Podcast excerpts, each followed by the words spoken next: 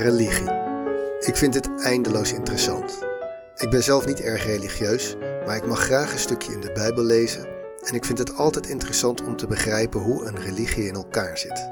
Wat ze nou eigenlijk geloven. En daarbij ben ik een aanhanger van de uitspraak van Alain de Botton. Zijn boek Religie voor Atheïsten opende hij met de zin: De saaiste en meest onproductieve vraag die we kunnen stellen over ieder geloof is of het waar is.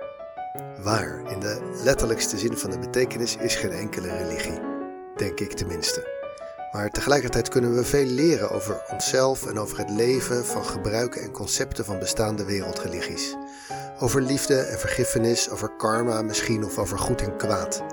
Nou ja, laat ik daar niet te veel over verder gaan.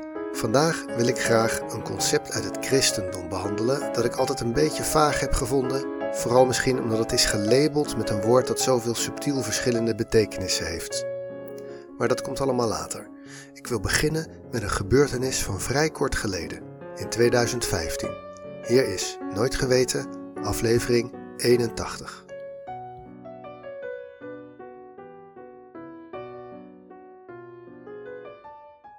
Dit verhaal begint in Charleston, South Carolina, op een warme zomeravond in 2015. Midden in het oude centrum van de stad staat een wit kerkgebouw. Niet heel groot. De hele oude binnenstad is eigenlijk vrij kleinschalig. Oude houten huizen van drie, soms vier verdiepingen. Dit kerkje is de oudste zwarte kerk in het zuiden van de VS. Ongeveer 200 jaar oud nu, dus van ruim voor de burgeroorlog. En in die kerk werd vanavond een Bijbelstudiebijeenkomst gehouden.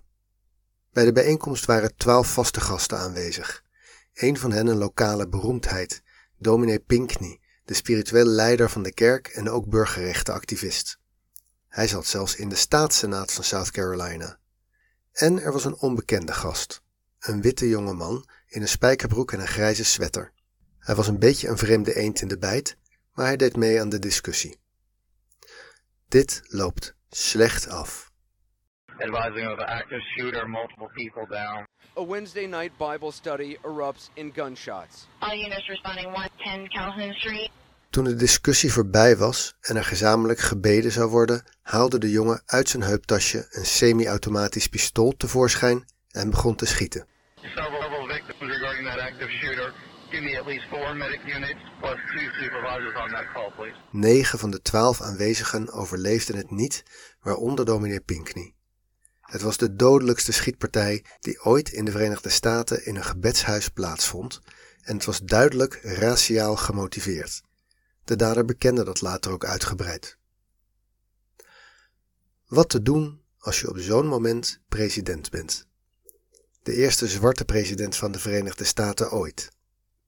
Dan reis je af naar Charleston om daar slachtoffers een hart onder de riem te steken. Dan ben je aanwezig bij de uitvaart van senaatslid Pinkney en neem je het woord. Amazing grace. Amazing grace. How sweet the sound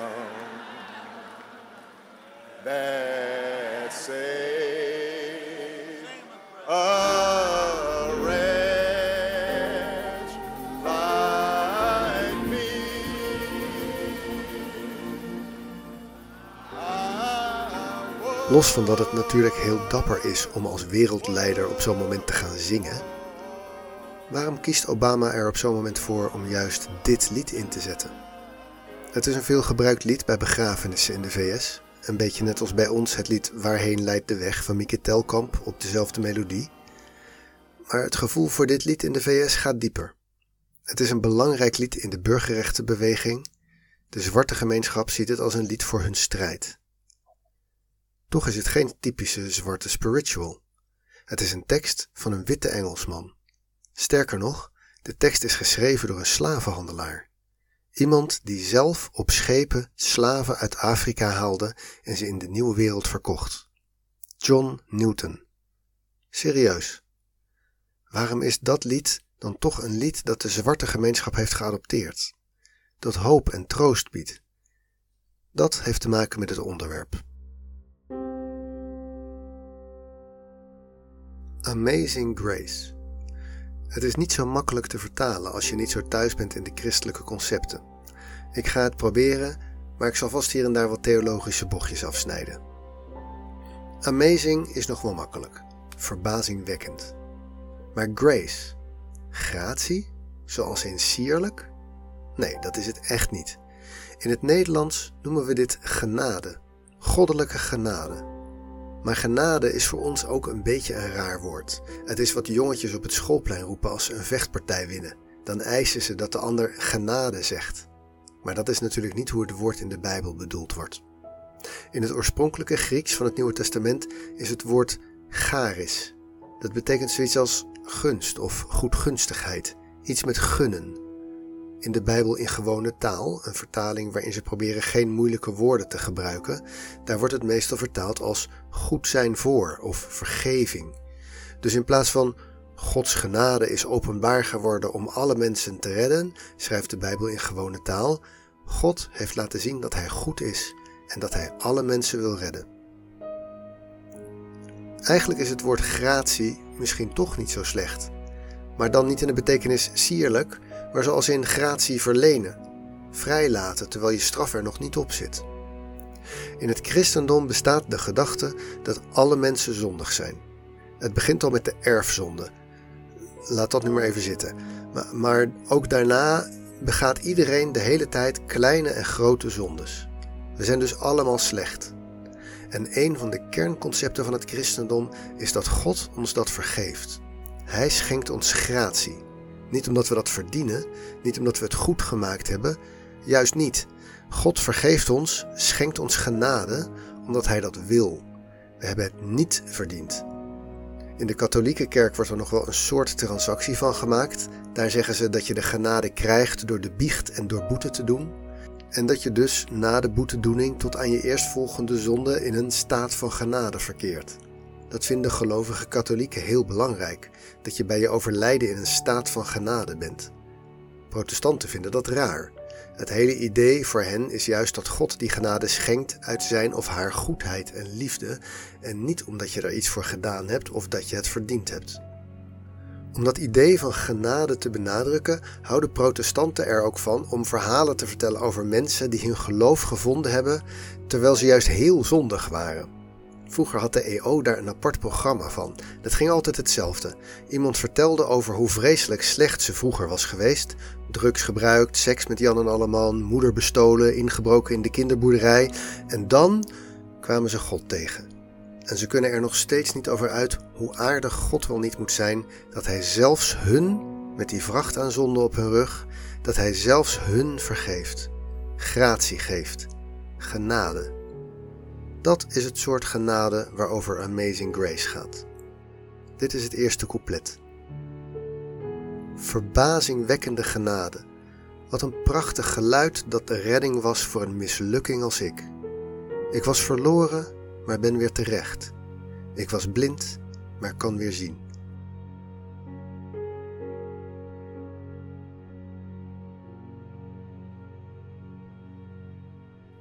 Nu we weten wat grace überhaupt is, kunnen we de geschiedenis van het lied wat beter begrijpen.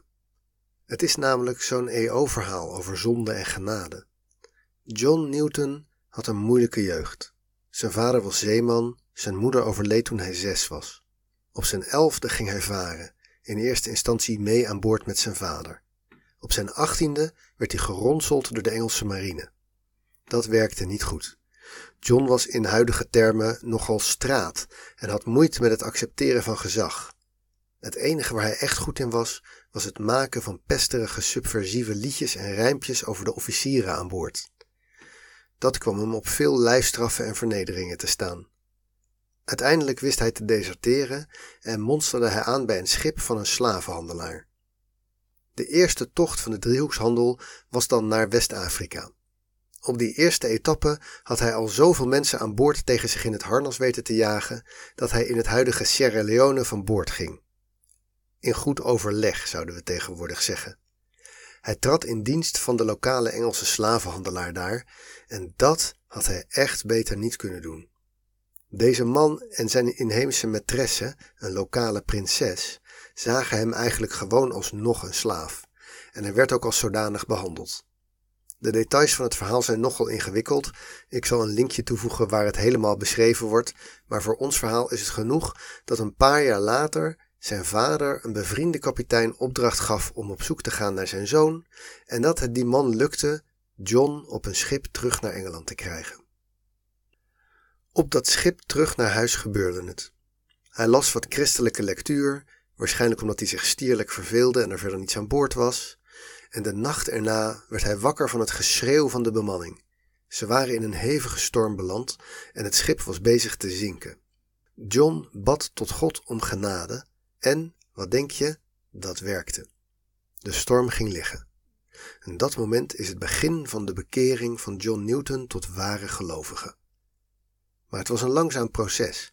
Hij stopte al vrij snel met drinken en gokken en ook schelden en het schrijven van schunnige versjes hield hij voor gezien.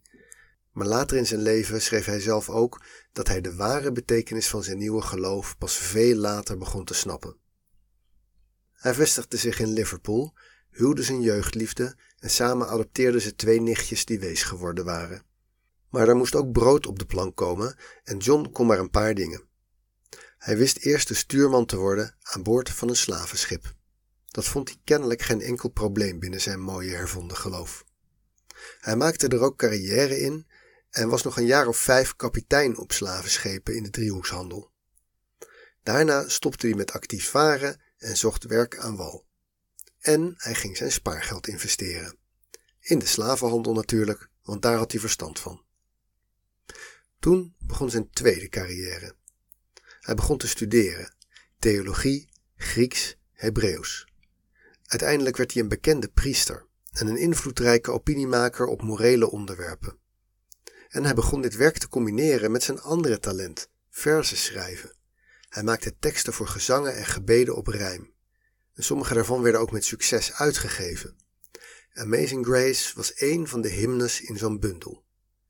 We weten niet of het ook werd gezongen, want er zat geen muziek bij, maar in ieder geval niet op de melodie die we nu kennen. En al die tijd liet John zich niet uit over de slavenhandel.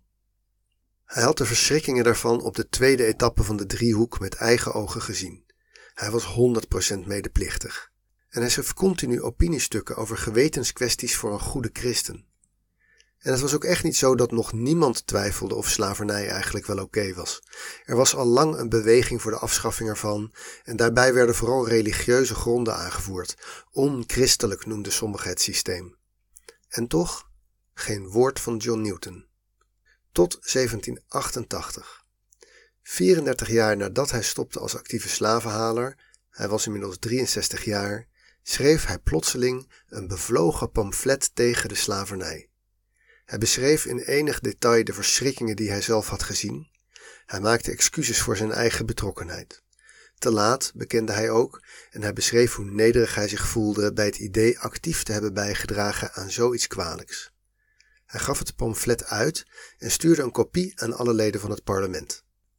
Het was mede door de betrokkenheid van Newton, die wel een soort beroemdheid was, dat de abolitionistische beweging in Engeland in die jaren snel groeide, ook in het parlement. Newton werd uiteindelijk best oud, 82, en dat was net genoeg om nog mee te maken dat het Verenigd Koninkrijk de handel in slaven verbood. Een stemming die zeker beïnvloed werd doordat Newton als getuige werd gehoord over de omstandigheden aan boord van de schepen. De hymne die we nu kennen als Amazing Grace kan je dus als een soort autobiografie zien van Newton. Hij was echt een rotzak. Hij was verloren, maar kwam weer terecht. Hij was blind, maar leerde weer zien. Maar waarom is dat lied nou zo belangrijk geworden in Amerika? In de eerste plaats is dat toeval. Het werd op de muziek gezet die we nu kennen, ook al een oudere melodie, in de periode dat samenzang in de Amerikaanse kerken een soort hype was. En daar hoorde dan bij dat iemand een getuigenis van zijn eigen bekering aflegde, precies zoals die EO-verhalen. Het verhaal van de bekering van een zondig leven naar een goede christelijke lifestyle was heel populair en dan was dit een heerlijk lied om daar met z'n allen achteraan te zingen. De hoop die eruit sprak zal in Amerika ook goed gewerkt hebben. Veel mensen kwamen daar aan na een reeks mislukkingen in de oude wereld. Een nieuw begin, een schone lei, gratie. Dus zo werd het een bekend lied voor alle Amerikanen. Ook een lied dat zowel gelovigen als ongelovigen samen konden zingen, want het woord God komt er niet in voor. En dan, pas aan het eind, in de 20ste eeuw, wordt het omarmd door de zwarte gemeenschap. Het was populair in de kerken, dus gospelzangers voerden het vaak uit. Het thema van verloren zijn en gered worden appelleerde misschien ook wel aan de redding van de slavernij, en het ontwikkelde zich tot een van de populairste spirituals in de zwarte kerken. De uitvoering van Mahalia Jackson was misschien wel de definitieve stap. Ze was nauw betrokken bij Martin Luther King en de burgerrechtenbeweging en ze zong Amazing Grace vaak bij grote demonstraties en marsen. Misschien is dat wel de kracht van het lied: dat het gezongen kan worden als protestsong, maar ook als teken van verbondenheid en troost. En of je nou in God gelooft of niet, het idee dat het nooit te laat is voor berouw, voor het erkennen van je fouten en het beginnen met een schone lei. En daarom is het niet raar dat in 1988 in Wembley bij het Nelson Mandela 70th Birthday Tribute Concert, dat live werd bekeken door 200 miljoen mensen over de hele wereld, maar niet door Nelson Mandela die toen nog gewoon in de gevangenis zat. Daarom is het niet raar dat dat event werd afgesloten met een lied geschreven door een slavenhandelaar.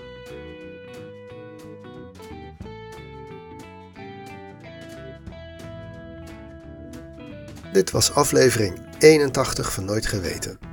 De oplossing van de fotopuzzel was Amazing Grace in het Engels. Nooit Geweten wordt gemaakt door mijzelf, Teun Duinstee en is een hommage aan Wikipedia. Ken je iemand die dit een leuk verhaal zou vinden? Stuur het dan door. Over twee weken is er weer een nieuwe aflevering en wie alvast wil weten waar die over gaat, kan proberen de Wikipedia fotopuzzel op te lossen. Die vind je in de show notes. Dank aan alle Wikipedianen die hebben gewerkt aan de onderliggende artikelen en ook aan jou voor het luisteren. Tot over twee weken.